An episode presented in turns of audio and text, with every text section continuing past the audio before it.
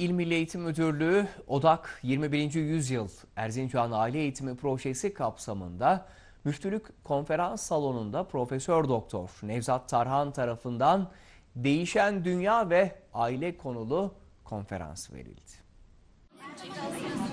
Yok ben çektim ben çektim. Konferansın açılışında konuşma yapan İl Milli Eğitim Müdürü Aziz Gün, toplumun temeli olan aileleri eğitim yoluyla çocuğun çok yönlü gelişimini desteklemek amacıyla bilgilendirmek ve bilinçlendirmek, toplumsal gelişme ve kalkınmaya ivme kazandırma sürecinde önemlidir dedi. İşte aileyi, muhabbeti, kısaca kodlarımızda olan, var olan şeyleri tekrar bize hatırlatacak saygıdeğer misafirimiz. Tabii ki bununla birlikte ben aileyi anlatacak değilim hocam buradayken.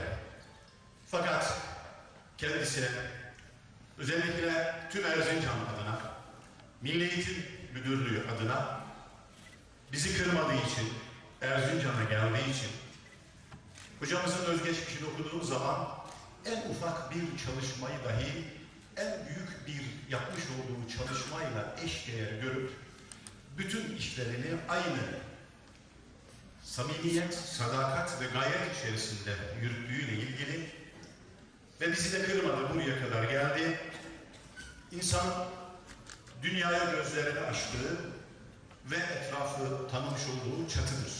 Yoğun katılımın olduğu konferans bitiminde İl Milli Eğitim Müdürü Aziz Gün tarafından Profesör Doktor Nevzat Tarhan'a bakır işlemeli tabak hediye edildi. Profesör Doktor Nevzat Tarhan ise İl Milli Eğitim Müdürü Aziz Gün'e kitaplarını hediye ederek okuyucularına kitap imza etkinliği düzenledi. böyle biyolojik e, terminoloji kullanarak insanları sınıflandırıyor. Bir çeşit narsizm ve etnik narsizm yaparak yani İkinci Dünya Savaşı'nın çıkmasına sebep olan bu zihniyet oluyor.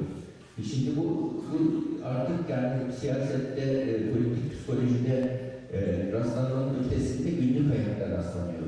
Narsist bir kimse ne yapıyor? Mesela hasta oluyor eşi, kronik bir hasta oluyor.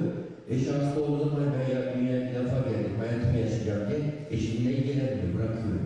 Almanya'da ileri yaşta iki tane yaşlı çift bir mektup yazıp intihar ediyorlar, doğal gaz açıyorlar. Ee, ve şöyle yazıyor üç buçuk senedir, kap, üç buçuk aydır pardon, kapımızı kapıcıdan başka çalan olmamak. Yalnızlık.